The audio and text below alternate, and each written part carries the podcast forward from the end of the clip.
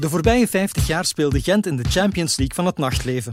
En dat was de afgelopen 25 jaar ook te danken aan twee markten in het centrum van de stad: de Vlasmarkt en de Oude Beestenmarkt. In de podcast De Nacht blik ik 12 weken lang terug op de rijke geschiedenis van het Gentse nachtleven, met iedereen achter, maar ook voor de schermen. En deze keer gaan we het hebben over wat en vooral ook wie ervoor heeft gezorgd dat zowel de Vlasmarkt als de Oude Beestenmarkt zo'n hoge vlucht namen. Met Gerald Klaas. Toen werd er verteld van ja, sorry, ja, s ochtends begint de miserie, dan stoppen we liever. Maar die sloten eigenlijk een vol huis en die staken die gewoon op het plein. Wij hebben dat direct omgekeerd. En daar is dan dat laat karakter een beetje begonnen en dan natuurlijk de marathonsessies en de schone verhalen die je als DJ kunt vertellen. Hè. Katrien de Boe. Als ik daar aan het werken was, zag ik ook zo de mannen die bleven en hun toog wat babbelen terwijl dat de madame ging gaan dansen. En ik denk dat dat ook wel tof was soms. Zo van, niet iedereen moet gaan dansen. Fredo de Smet. Het was ook geen gezellig café in de zin van je gaat er niet om echt te babbelen of zo. Dat zit direct vol en dan is het elektriciteit, waardoor dat een nightlife gevoel er was. Maarten Kwagebeur. De dag dat we zeiden dat we de video gingen beginnen en dat we dat op de beestenmarkt gingen doen, dan uh, zei Frankie, die toch al wel wat in het nachtleven had rondgelopen in Gent, die zei, joh, er is een zot. Dat plein, dat ligt ik weet niet hoe ver, dat gaat nooit marcheren. Tang Trantung. Daar heb ik eigenlijk de zogenaamde Gentse eclectische sound ergens een beetje verplicht geweest om te, om te draaien, maar ook enorm geapprecieerd. Daar zijn mijn roots eigenlijk ontstaan in de video dus. En Bart van Este, a.k.a. Red D. Ik heb Gerald twintig keer horen zeggen van ja, we zijn een café en we zijn geen club.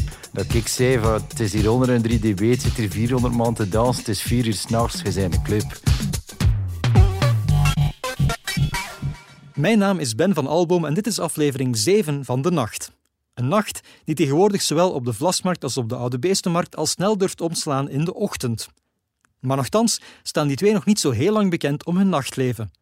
Toen Maarten Kwagebuur in 2000 de deuren van de video opensmeet, was het op de Oude Beestenmarkt zelfs nog relatief rustig. En eigenlijk was ook die video maar een café, maar dan wel één met een gigantisch flesje lichtmuur. Ik had het idee, of we hadden het idee, er moet een muur zijn waar dat licht uitkomt, want we hadden gewoon krakkemikkige muren, want het was een oud gebouw en we hadden geen tijd en geen geld om dat, om dat anders te doen. Dus we hadden zoiets, we gaan een eyecatcher maken en dan moet een muur met licht zijn. Het videobeeld of het testbeeld of hoe je het ook uh, wil noemen. Maar veel mensen dachten dat wij doordat we 14 juli 2000 open gingen, zijnde de vooravond van de Gentse feesten. Toen was dat nog, de vrijdag was de vooravond. Enfin, we hebben daar veel avonden voor geplakt nog. maar veel mensen dachten dat wij een pop-up waren voor, uh, voor de Gentse feesten. Gelukkig hebben we dat 18 jaar volgehouden. Ik herinner me die openingsavond nog. Ja, dat was wel wat. Uh, de, de mensen die echt op de openingsavond geweest zijn en binnen geweest zijn, want... Uh, er was vooral heel veel volk ook buiten, omdat bijna niemand binnen kon. Maar we hadden s morgens nog een bankje gelakt en de mensen die echt binnen geweest zijn, dan ver van een broek. Wij waren eigenlijk op zoek naar een, naar een repetitiekot voor Das Pop. Dat is eigenlijk de reden waarom dat we op zoek waren en, en uiteindelijk op de Oude Beestenmarkt uh, terechtgekomen zijn. Er was een, ja, een grote nood aan repetitieruimtes in Gent en er waren eigenlijk nogal wat groepen. Um, en na een hele lange zoektocht zijn we nog naar de Eskimo-fabriek gegaan. En daar was zo koud geworden dat ze een nieuw pand gevonden hadden, zijnde Café Kazu op de Oude Beestenmarkt, die eind 1999 uh, opgestart was. Maar dat café werkte niet goed. Um, en daarnaast was er één andere horecazaak, de Atlantiek, waar... Uh, de, de Solwaxers hun onderdak gevonden hadden. Um, en vandaar eigenlijk waarschijnlijk dat op een bepaald moment dat spoppers ook afgekomen zijn van ah, we gaan boven Café Kazu is er nog een verdieping en daar zouden we eigenlijk uh, een repetitiekot kunnen inrichten.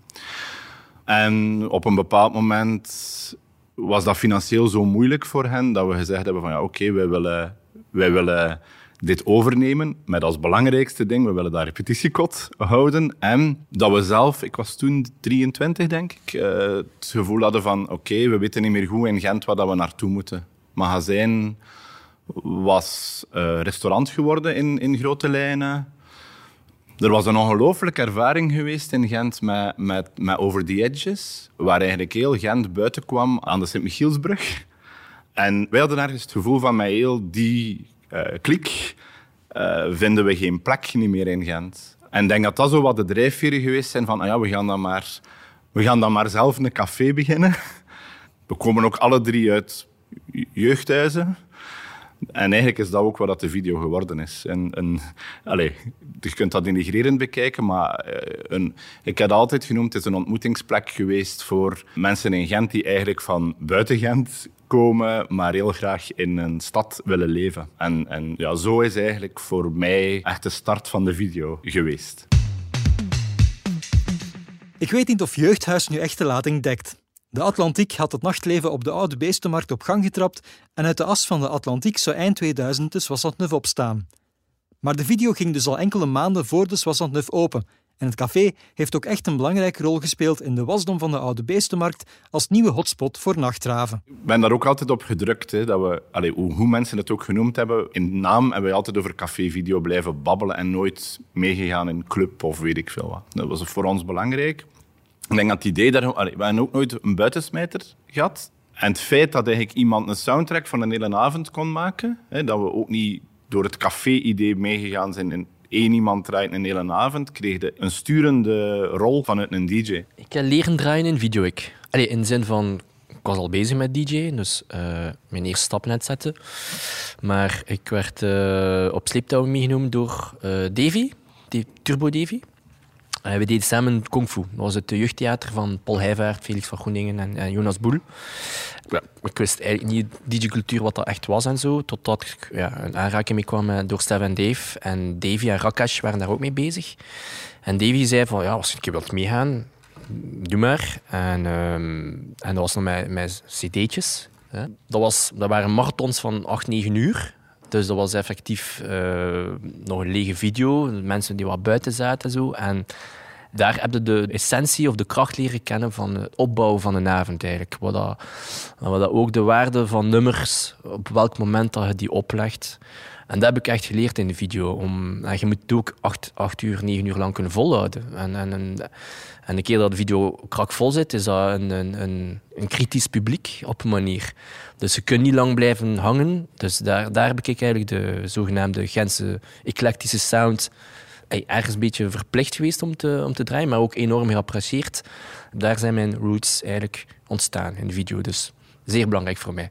Ja, ik was, ik was ook heel jaloers dat hij in de video draaide. en ik nog niet. Dus Stang en ik, we draaiden niet samen in het begin. Hij draaide op vrijdag in de video en ik in de Soissaneuf. En de zaterdag omgekeerd. We hadden ook allebei nog geen rijbewijs, dus wij, we moesten onze platen verzetten de dag nadien. Want het was ook niet nodig, maar dus, dat was gewoon... We kruisten elkaar. Um, maar ik draaide in het begin niet in de video. Ik was echt jaloers op de video, ja. Het was ook geen gezellig café in de zin van je gaat er niet om, uh, om echt te babbelen of zo. Dat zit direct vol en dan is het elektriciteit, eh, of was het elektriciteit, waardoor dat een nightlife gevoel er was. Ja, die lichten maken het ook niet echt een soort jazzy café of zo. Het was gewoon een uh, gevoelde gewoon de creativiteit. Dus omdat de Das Poppers daar ook zaten, was dat gewoon een zwerm van muzikanten, creatievelingen, DJ's. Dus er was muziek was daar echt wel de rode draad eigenlijk uh, in de video. En, en, en zeker ook als aan de overkant als uh, Stef en Dave daar, daar zaten. Dus de, de, mensen die zij dan ook aantrokken. Op dat moment was ook de Atlantiek ook tof, hè, trouwens. Het werd ook gedanst nog altijd op de pool in de Atlantiek. Dat was op zich ook legendarisch. Maar dat was een stuk ouder. Ouder mhm. publiek. Dat is, dat is een verhaal dat veel voorkomt. Jonge mensen uit Gent die echt vertellen dat ze toen dat ze 14, 15 waren, eigenlijk al naar de video gingen. En allee, er zijn er een paar die. In het begin hadden we nog een telefoonlijn en, en we, we, wisten van een deel dat de, dat de moeder belde om te vragen of dat hij in het café zat. Waar we uiteraard dus niet je, ver, verkocht drank aan minderjarigen eigenlijk. Dat weet ik niet. ik, weet niet ik weet niet wat ze dronken. ik zag geen CCML op de kaart staan. Nee. we hebben nogthans lang gehad. Gert, Gert wilde CCML en Fristi verkopen. Om maar te zeggen hoe wanhopig de video een café wou zijn met fristie op de kaart. Terwijl het in feite toch ook wel een heel klein beetje zoveel meer was dan dat. Maar laten we nog even terugkeren naar hoe het nachtleven in de Gentse binnenstad er in 2000 ongeveer uitzag.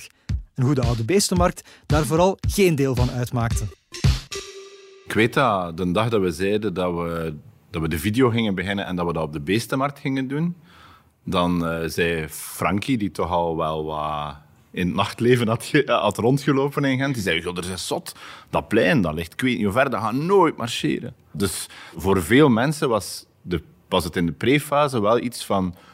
Het is misschien geen goed idee. Eh, allee, en effectief, de charlatan was net overgenomen door, door, door Gerald en door Jo- Joris, denk ik. Allebei. Dus de Vlasmarkt was veel, was veel sterker. En, en ook de zeven of acht jaar ervoor hadden wij ook hele tijd op de Vlasmarkt rondgehangen. Hè. Door het repetitiekot, door de Bijbelse feesten die we waren beginnen organiseren in de, in, in de staks. Allee, er was een enorme dynamiek daarvoor ook. Hè, maar, de Kinky Star oprichting. Ja, het is niet dat de Vlasmarkt toen dood was.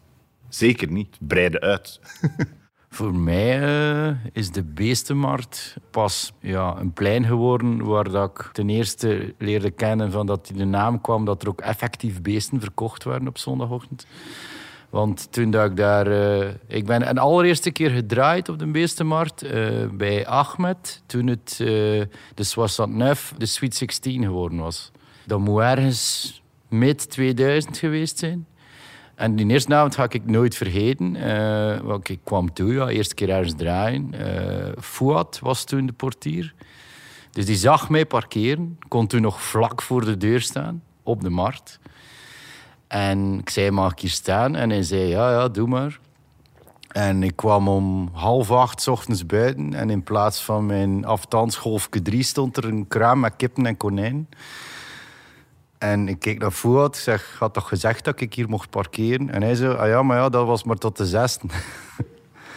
ik zei, ja, is er niet aan gedacht van mij dan een keer te komen zeggen... terwijl ze mijn auto aan het waren. Dat was voor mij mijn introductie op de Beestenmarkt. En Beestenmarkt was voor mij vooral de plaats... waar dat iedereen die naar de Culture Club ging... in de jaren 2000, babbelde over... ja, maar ja, al de belangrijke mensen van de Culture Club... die zitten op donderdag in de 69. Dus ik vermoed dat Fredo en Tang daar dan ook gespeeld hebben. TLP. 69. Op donderdag was TLP. Ja. Ja, dus voor mij was Beestenmarkt zo een, een, een, een van die mythische plaatsen dat de mensen hoorden over babbel. En dat was, was dat neuf video en ik weet het niet, was er daar dan nog iets anders? Dat... Wel, als ik mag inpikken... De Bardot. Ja, als ik Ja. kan inpikken, inderdaad. Bardot heb ik ook nog geweten, juist. Ja. Vanuit DJ's perspectief was de meestermarkt bestond uit gradaties. En, en als je in Bordeaux kon draaien, mocht dat content zijn. Video was al oké beestig. Maar dan, dus was dan neuf was dan eigenlijk de, de dat was, eh, dat was zeker in het begin was dat door Dirk en Thierry uitgebaat.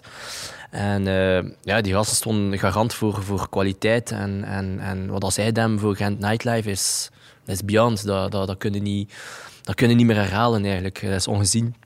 Dus, dus was was eigenlijk on top. En, eh, dus ik was zeer tevreden als ik daar in Soisseneuf kon beginnen draaien. En dat was eigenlijk, de allereerste keer was dan een toevallige ontmoeting, eh, of een, een, een, een misboeking of zo. Of een dubbele boeking liever, met, met Fredo. En zo zijn we dan eh, in aanraking komen met elkaar. Altijd spijt van gehad. Ja, zie ons nu zitten. Voor mij is toch de beestenmarkt ook wel iets dat, dat ik nog niet gehoord heb hier. is echt de chocolate. Ja. Ehm, ja. ja, als ik aan de beestenmarkt denk, dan is dat echt eh, ja, chocolate dat Roel heeft eh, opgericht. Ehm, en dat was inderdaad een heel andere muziek dan in de video. Dat was vooral R&B en hip-hop dan. En eh, van daaruit zijn ook die grote feesten, City Queens, gekomen en zo. Dus ja, Ah, de chocolate heeft absoluut veel gedaan, ook op de beesten. Maar, maar het, is, het is gewoon het is grappig dat we, hoe dat een historiek loopt. Want het is ook zot. Dus wij zijn juli 2000 opengegaan. Maar de gasten van de Bardot hadden eigenlijk het pand ernaast al allee, de overname getekend. Maar die waren veel trager in hun verbouwing. Dus die zijn, denk ik, in november 2000 opengegaan.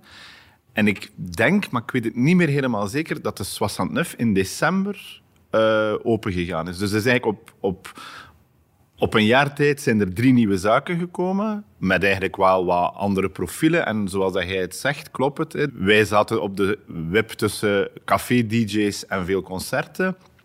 69 was absoluut DJ-cultuur. En, en die twee kunnen vermengen was vrij goed. En ik denk dat Chocolate, want dat was Café Klein Oudenaarde. Er waren nog een... Zoals dat eh, de Dynasty alles overleefd heeft, moet je bijna zeggen. Het poolcafé.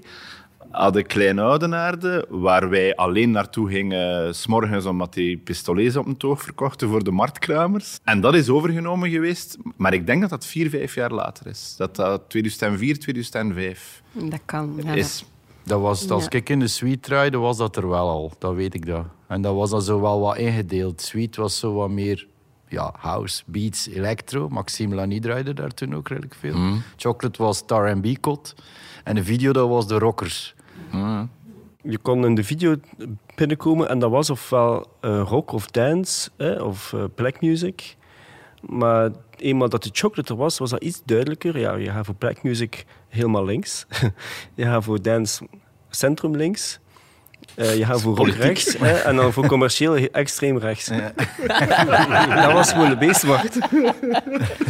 Maar dat had het toch ook in de Culture Club was dat toch ook zo inderdaad. En in de Eskimo was dat toch ook al zo. Dat je kon kiezen naar welke zaal dat je wou gaan, voor welke muziek. Dus het was gewoon nu in cafés dan. Maar daar, dat was één feest en je had alles. Ja. En je kon overal een keer naartoe. En dat vond ik net het fijne, dat je iedereen tegenkwam op die feesten. Dus in die cafés moesten dan kiezen en dan, ja... Ja, met als voordeel dat doordat er heel veel buiten gestaan werd, dat het publiek zich wel vermengde. Ja. Dus dat, dat, er was wel een basisreden, zogezegd muzikaal, voor waar, waar, bij welk café dat je het meest hoorde, maar er was een ongelooflijke vermenging tussen dat publiek. En denk ik eigenlijk... Ik, ik geloof dat dat voor Gent superbelangrijk is. Ja, absoluut. Maar al die muziek was ook vroeger zo in de charlatan. Hè? Allee, bedoel, al die, je hoorde daar toch ook alles? Hi- historisch gezien zal de switch wel geweest zijn dat wat dat vroeger al wat dat elektronische muziek en techno was niet bij de rockers paste, dat in die generatie de mix tussen die twee wel naar voren gekomen is. Maar ik denk dat dat generatie is dat Maar dat... was ook de periode van Too Many DJ's. Ja. De As Heard on Radio Soulwax Part 2. Mashup. Die- Mashup-periode. Mm. De, de mashup-periode die een bom sloeg en die duidelijk, gelijk dat jij zei, zo die Gentse eclectische sound weerspiegelde. Stefan en David hebben daar superveel aan gedaan. Allee, wereldwijd. En, en, en bon, het feit dat... Effectief het feit dat Aspop daar zat en het feit dat, dat, dat Stefan en David gedraaid hebben op de openingsavond en het kung fu verhaal dat toch ook zelfs de podiumkunsten voor een stuk veranderd heeft. Ja, dat is echt wat er op dat moment gebeurd is en dat je niet kunt sturen. Nee. Zou, die- zou die een Gentse sound, dat is zoiets, ik, ik vertel dat ook in, overal in de wereld, ter wereld dat ik al gedraaid heb. Ik krijg heel dikwijls de reactie van, ja, hij draait heel gevarieerd, terwijl soms heb ik het idee van, kan nog veel wilder gaan.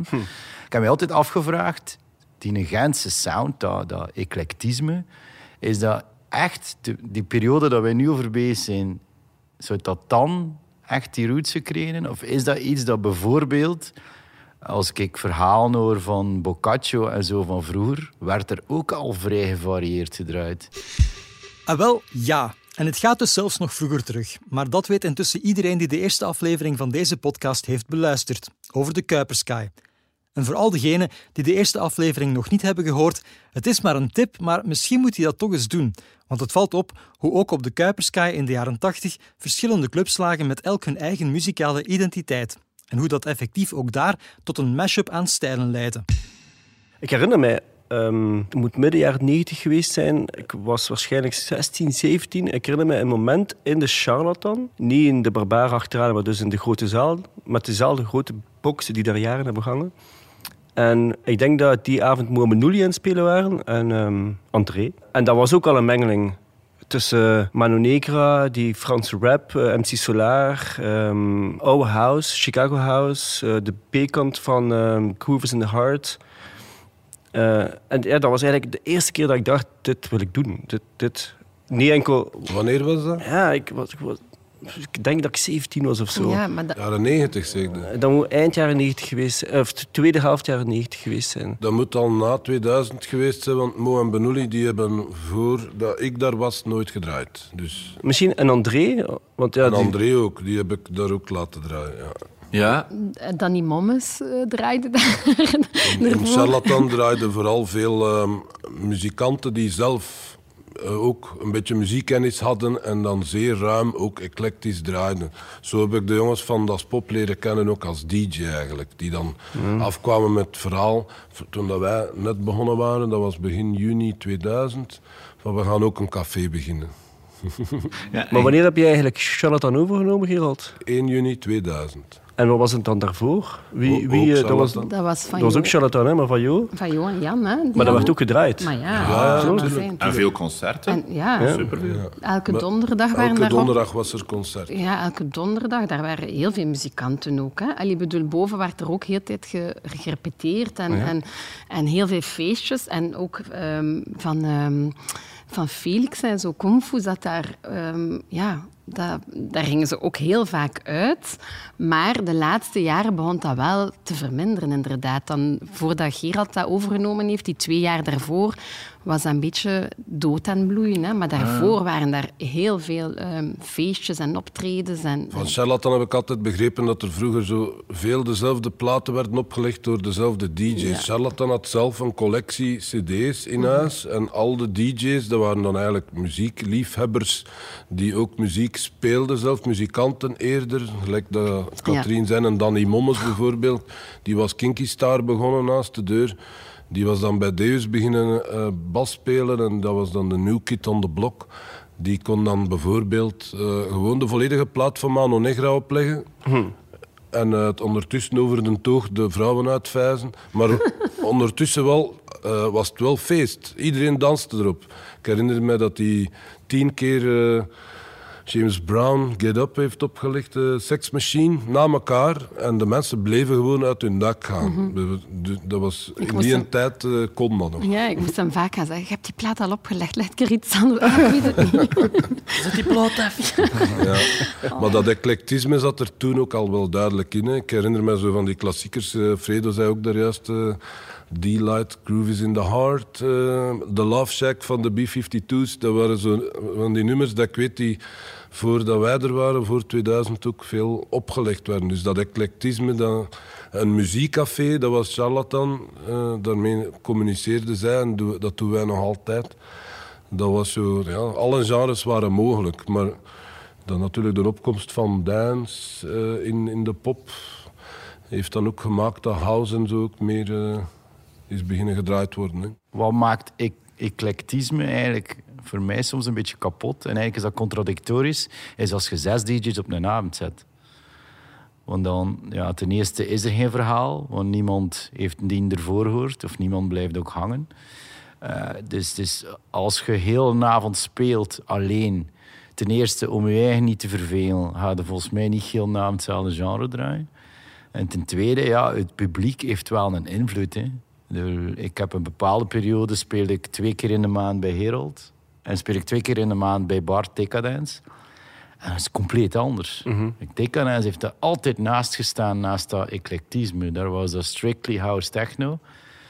Al, ik weet, als ik daar discoplaat speelde, s ochtends, dat het al bijna, bijna heiligschennis was.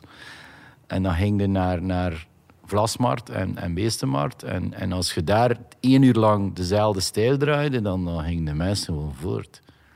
Maar komt dat ook niet een beetje door dat, dat als ik dan denk aan de Charlatan, dat dat ook gewoon een café was? Dus ook, je begint met wat rustige muziek en dan drinkt iets en legt iets anders op en mensen hebben zin om te dansen en dan is dat ineens weer andere muziek. En, Ja. allee, voor mij, ik, ik begon daar soms te werken om vier uur in de namiddag tot, 's avonds, allee, tot s morgens vroeg.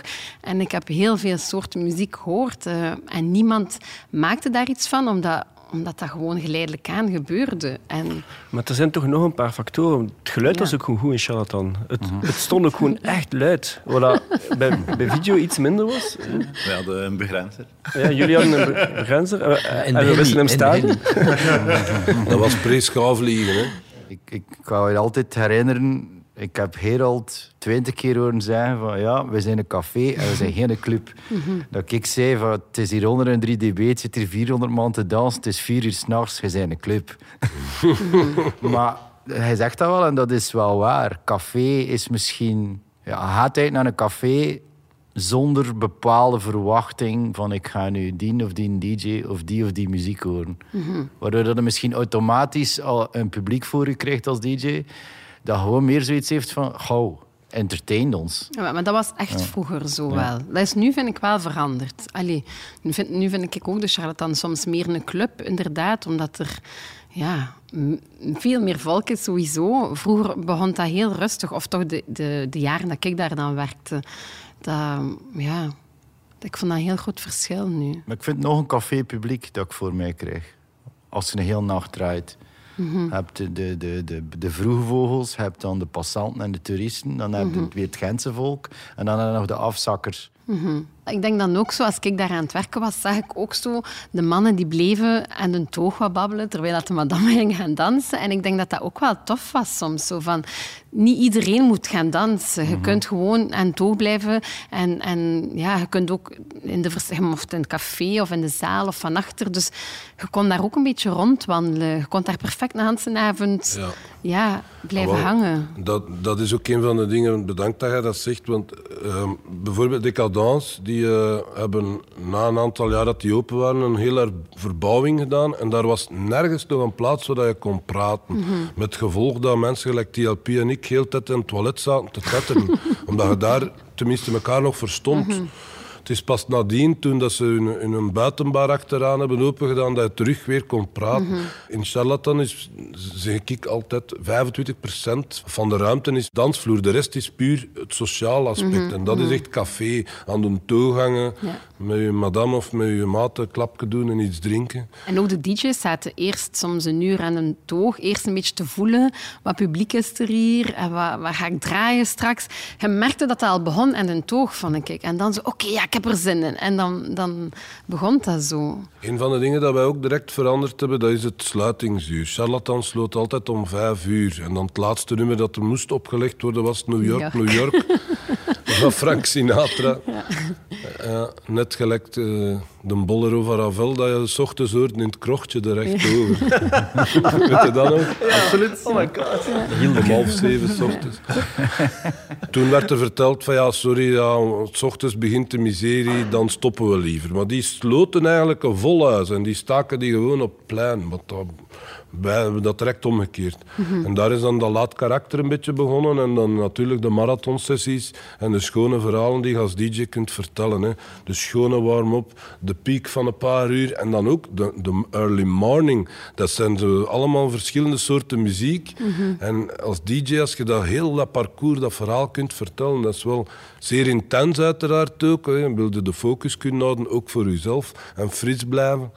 Maar dat is wel zeer schoon. En ik denk dat dat ook weer iets Gents is of zo. Ik weet niet, die een oldschool dingen van een DJ die een hele nacht een schoon verhaal kan Ik vertellen. denk dat dat, dat is, dat is, dat is DJ-cultuur. Dat is niet Gens, dat is echt pure DJ-cultuur. en, en dat is iets dat ik, dat ik geweldig mis in, in het volledige nachtleven. Maar Gerald heeft wel altijd vrijheid gelaten.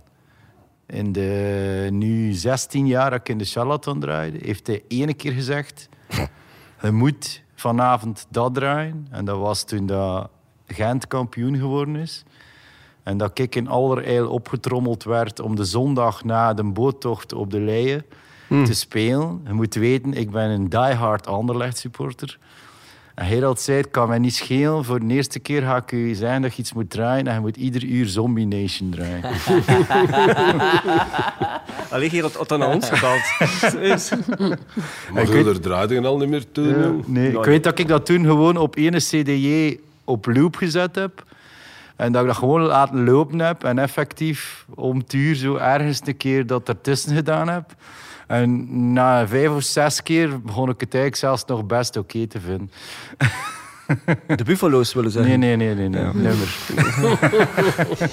Ik denk dat we het er allemaal eens over kunnen zijn. De charlatan is een bijzondere plek. Iets tussen, laten we het gewoon zo oplossen, club en café. Maar het waren in feite niet Gerald Klaas en zijn broer Joris die de charlatan in 2000 uit de grond stampten. Het toen nog echt wel meer café werd in 89 opgericht door onder meer Jo van Groeningen, de vader van Felix, die met Belgica in 2016 een film zou maken die enfin, geïnspireerd is door het verhaal van de charlatan. Maar het was dus wel onder impuls van Gerald dat de charlatan sinds 2000 een heel nieuw elan heeft gekregen. Maar ik ben zelf in eh 697 in Gent beland en ik woonde vlak naast eh, de studios van Urgent toen nog eh, in de kelders van de rechten in de Korte Meer. Ik had zelf graag eh, radio gemaakt en eh, dat ging daar vrij vlot. Ik, mo- ik mocht direct beginnen, ze- zeer tof. En daar dan wat mensen leren kennen. Uiteindelijk eh, hebben Ben van Aalboom en ikzelf daar eh, de, de krachten verenigd en hebben we ons daar enkele jaren achter Urgente zender ge- gezet. En ik gebruikte dat excuus ook om mij wat in te werken in, in, in het nachtleven in Gent. Ik ging dan de cafés afdoen eh met de vraag of dat ik eens mocht draaien ter promotie van mijn programma. Ze moesten me dan niks betalen, maar ik kon dan wel een avond gratis pintjes drinken. Als student was dat natuurlijk leuk. En zo ben ik eh, in Decadence beland. Die kenden we nog van vroeger, Bart, de uitbater. Dus eh, daar had ik al een band mee, maar dan ook in de Krawietel, de Tuf Tuf Club op de Sint-Quintusberg, ook het magazijn, maar dan ook de Kinky Star en uiteindelijk ook de Charlatan. Het was bijna Gentse feesten en ik werkte toen ook als garçon in de Vooruit. Die toen eh, een zomerstop deden altijd. Dus ik vroeg, ja, heb je al mensen voor te werken? Maar hun ploeg was volzet, eh, of wa- was compleet. Ik zeg, ik ben ook DJ. Ik zeg, eh, zoek er nog DJ's? En Jan zei, je mocht gerust zaterdag eens komen proberen. Ik heb dat gedaan, dat was leuk bevonden. Ik, ben, ik heb dan twee dagen gekregen eh, tijdens de Gentse feesten toen, in 798 geloof ik, om te draaien. Ik heb dan volledig die Vlasmarkt leren kennen. De Kinky Star nog meer gaan beginnen draaien. Ik heb daar dan ook een beetje gewerkt. Ik heb dan een half jaar tijdens het jaar nog verder gedraaid in Charlatan. Met onder andere Gode Vil toen. En dan later eh, in 2000, juni, hebben mijn broer en ik Charlatan overgenomen. Dus Charlatan, Katrien gaf dat daar juist al aan, dat was zo de jaren voor ons. Een beetje geslabakt. Die hebben een, schone periode gehad van, geloof ik, 8 à 10 jaar. Dat dat echt eh, van een klein cafeetje, dat was vroeger Café Tramway. Dat was gewoon de voorplaats van een oud herenhuis. Jo en Jan, die charlatan dan waren begonnen, die hebben dan die ruimte achteraan. Dat waren drie verschillende kamers, ook de muren uitgeslaan en verbonden met café vooraan. En dan een, een danszaal begonnen. Dat heeft dan... eh, Dat is een beetje uit zijn voegen gebarsten. Dat is zo'n beetje wat je kunt zien in de, in de Belgica-film. Maar dan vertaald op... eh, ja, het verhaal is een beetje anders verteld. Bon, de film is wat meer fictie, maar toch een beetje gebaseerd los op bestaande feiten. Dus toen dat Jan en Joe, die hebben dan een paar ruzie gekregen, blijkbaar. Hoe kan dat gaan? Nachtleven is stevig, de verlokkingen des levens. En dus dan komen mijn broer en ik op de Vlasmarkt toe en zeggen we zouden we zo- ons stoute niet aantrekken en eens met die mensen gaan praten. Wie weet zien ze het wel zitten om ons mee op te nemen in de vennootschap. Maar Joe die was er echt vanaf. Die zei, ik, kan niet meer. Dus eh, komen wij op de proppen en hebben we dat café toen overgenomen. Zo een beetje de nozelaars die dat wouden doen, want in Gent was er niemand die dat wou doen. Dat was blijkbaar, er zat echt een zwaar vlieg opgelekt toen. eh. Ja, het was eh, ja, die laatste jaren, toch, ja, de laatste twee jaren dan toch, waren er niet zo, zoveel toffe feestjes meer. Allee, zoals ervoor. Ehm, ik weet dat er heel wat drugs eh, daar toch te vinden was. En, en de sfeer die daar was. Toch, allee, je werd niet altijd op je gemak, denk ik, als vrouw. Of, of, ehm, Heel veel, heel veel gevechten. Ik herinner me als ik daar kwam werken, dat ze mij vroegen van, kun jij mensen buiten steken? Ik was 17, ik dacht, ja, ik kan dat wel. Eh, maar inderdaad, je moest echt wel, eh, wel durven eh, ja, dingen aanpakken. daar. Maar wij waren niet wits, wij, wij wisten van niks. Wij hadden wel al horeca-ervaring. Mijn broer die had al zeven jaar een café gehad in Aflinghem zelf. Dus daar hadden we wel een beetje de stiel geleerd. Ik zelf heb een opleiding in de sociale sector gedaan. Dus eh, dat sociale boeide me wel, maar dan liever met klanten dan met cliënten, zal ik maar zeggen. Ehm, en dan muzikale vooral, die microbe die zat erin. Dus dat, dat, dat viel daar voor ons wel samen. Maar eh, toen dat ik, eh, achteraf heb ik begrepen dat in Gent niemand charlatan wou overnemen, omdat dat, dat, was zo, gelijk- dat was zo fout. En wij werden daardoor, dat was eigenlijk het voordeel voor ons, wij kregen eigenlijk carte blanche bijna van die onnozelaars uit Afligem, wat komen die hier doen? Dan hebben we dat rustig verder uitgebouwd. We hebben geen moment gesloten. Hè. We hebben van dag op dag overgepakt. En, en dan heb ik geloof ik in 2001 de tweede Gentse feesten die we dan meemaakten, de organisatie van de Vlasmarkt Gentse feesten overgepakt. Het eerste dat we dan gedaan hebben is de cacophonie eruit gehaald. Vroeger was dat zo, tijdens de feesten hadden twee containers staan tegenover elkaar op het plein. Eentje was voor het sanitair en de andere was een werfcontainer voor de DJ. En die werd letterlijk opgesloten, acht, negen uur lang. Die had een klein vierkante raamke om naar dat plein te kijken. En daar stond een knoert van een box op bovenaan. En aan de andere kant ook zo met vier spotjes die zo schoon vinkten van links naar rechts. Maar um, we mochten maar 90 decibel maken, dus die boxen dat was niet voldoende eigenlijk om op plein zelf wat sfeer te krijgen, laat staan in de tenten die er toen voor de café stonden. Dus wat deed iedereen die, uh, je mocht geen elektronische muziek, uh, geen elektronisch versterkte muziek maken op je terras. Dus iedereen zette speakers aan het raam van zijn café met eigen muziek. Dus dat was een cacophonie over dat plein. Dus het eerste dat wij gedaan hebben is gewoon een, een soundsystem die uh, met 64 speakers over heel het plein met een heel hoop baskasten dat, dat maakte dat je overal de muziek kon horen. En zo zijn we toch weer op de Gentse feesten beland. In zekere zin de rode draad doorheen deze podcast. Zoals ook de Vlasmarkt een rode draad is doorheen de geschiedenis van de Gentse feesten. Maar in 2000 was die dus, en dat weten we intussen, nog lang niet de Flashmarkt die we vandaag kennen. Toen dat wij in 2000 eh, de eerste Gentse feesten dan meemaakten, en allez, ik, ik daarvoor dan nog zonder charlatan, dat was echt wel uh, anarchisme. Hè. Wij hadden toen in 2000, geloof ik, samen ook met jullie van de video, een open brief gestuurd naar de stad uh, samen met Democracy en nog een paar... Starbot, uh, de gasten in de Bodelokkapel. Mm, ja, daar ook bij. Ja. We hadden een brief gestuurd waarin dat we de, ja, de Gentse feesten aanklaagden als uh, eerder Pensekermis en dat het een beetje verouderd was en zo. 2001 is dan Bluno Jazz Festival begonnen. Dan Sint-Baafs uh, Gentse feesten. Duveltent zeker ook? Boomtown. De Duveltent, ja. Boomtown op de Beestenmarkt. Dat heeft dan die... Polly Polly ook, denk ik. Eigenlijk, dat is de Polly grote vernieuwing van twintig jaar geleden. Ja, Polly Polly op de gras- en korelij. En dat heeft dan op een paar jaar tijd een enorme explosie aan bezoekers teweeggebracht. Ik herinner me nog een getal van 1,8 miljoen bezoekers op tien, op tien dagen. Dat was echt niet normaal. Hij geeft toe, tot uh, het laatste jaar, tien dagen lang, tot acht uur s ochtends, in het midden van een stad, uh, mm niet afgesloten perimeter zonder toegangscontrole, dat is wel zeer uniek. Dat is magic. Dat is echt magie. Hè? Mm -hmm. Een van de laatste keren zijn jij met je dochter langsgekomen, met Gloria. Mm -hmm. En Lies legde juist dat nummer op van Tutti, hoe noemt hij dat in Italianer? Umberto Tozzi, ja. Dat, was, dat was een prachtig moment. Um, twee, drie jaar geleden. Mijn, mijn dochter slaapt niet veel, hè. die heeft insomnia, dus die was wakker weer al. Om vijf uur s morgens, of om kwart voor vijf. En ik vroeg haar, ik zei, weet je nog Gloria, er is één plein in de Gentse feesten. Als iedereen klaar is met werken op café, dan komen we allemaal samen op één plein en daar wordt er feest. Als de zon opkomt. En hij zei, ja papa. En ik zei, ga eens gaan kijken anders. En dus die, sprong recht als een raket. Dus ik was er met een, meisje van zeven jaar. We zijn direct naar de digitoren gestapt. En dat was overweldigend voor haar. Maar tegelijkertijd, ik voelde mij als vader heel veilig. Dat was de politie op afstand, die sfeerbeheerders, iedereen was heel vriendelijk. Um, ook de sfeer van de mensen die daar stom dronken of gewoon jolig rondlopen, die begrijpen, we gaan hier niets verkeerd doen. De, dat plein straalt liefde uit, hè. dat is prachtig. Hè. De, als je die beelden terugkijkt nu, dat uh, het lijkt zeer uh, bijzonder. dat is uh, van een andere tijd precies. Oké, okay, maar laat ons toch maar hopen dat die tijd snel terugkomt. Niet deze zomer dus, maar zeker volgende zomer. Want laten we het finaal ook nog heel even hebben over de toekomst van het Gentse nachtleven.